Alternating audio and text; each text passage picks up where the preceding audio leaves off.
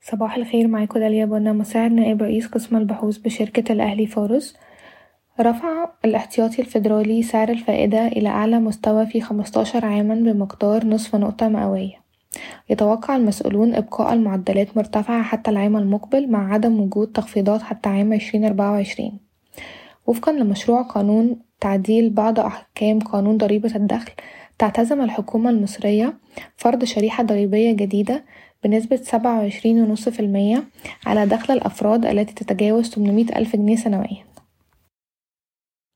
يتضمن المشروع أيضًا تجاوز ضريبة الأرباح الرأسمالية غير المسددة المستحقة على التصرف في الأسهم المدرجة بالبورصة المصرية خلال الفترة من يناير عشرين اتنين وعشرين حتى تاريخ نفاذ تعديلات القانون. واستقطاع خمسين في المية من أرباح رأس مال رأس المال المحققة للأفراد من الطرح الأولي لمدة سنتين من تاريخ نفاذ تعديلات قانون ضريبة الدخل.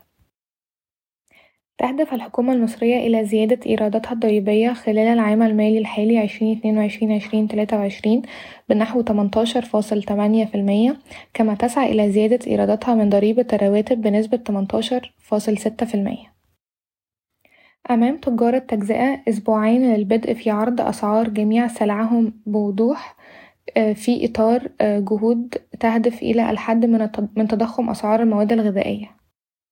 لتسهيل الأمر على المصريين الذين يعيشون في الخارج لشراء سيارة بموجب مخطط الحكومة لاستيراد السيارات الجديدة لن يتطلب من المشتريين إيداع رسوم البرنامج قبل ثلاثة أشهر من إجراء التحويلات. يمكنهم بدلًا من ذلك تزويد الحكومة بكشف حساب مصرفي كدليل على قدرتهم على الدفع. منح مجلس الوزراء تراخيص ذهبية لثمانية مشاريع استثمارية منها مصنع للأمونيا الخضراء بقيمة خمسة فاصل خمسة مليار دولار في العين السخنة.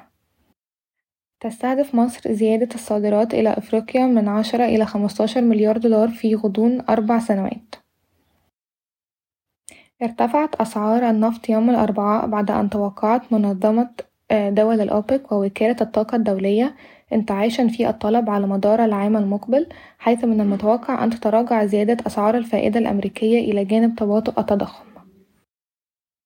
حصل مصنع الهيدروجين الأخضر الذي تبلغ طاقته الإنتاجية مية ميجا واط والذي طورته شركة سكاتك وفيرتي جلوب وأوراسكوم كونستراكشن على ترخيص من مجلس الوزراء أمس. وافقت البورصة المصرية على الإدراج المؤقت لأسهم شركة دمياط لتداول الحاويات والبضائع قبيل طرح عام أولي محتمل العام المقبل. هاليون وحدة الرعاية الصحية الاستهلاكية السابقة لشركة GSK والتي تم تأسيسها خلال الصيف ستبدأ عملياتها تحت علامتها التجارية الخاصة في الخاصة في مصر العام المقبل.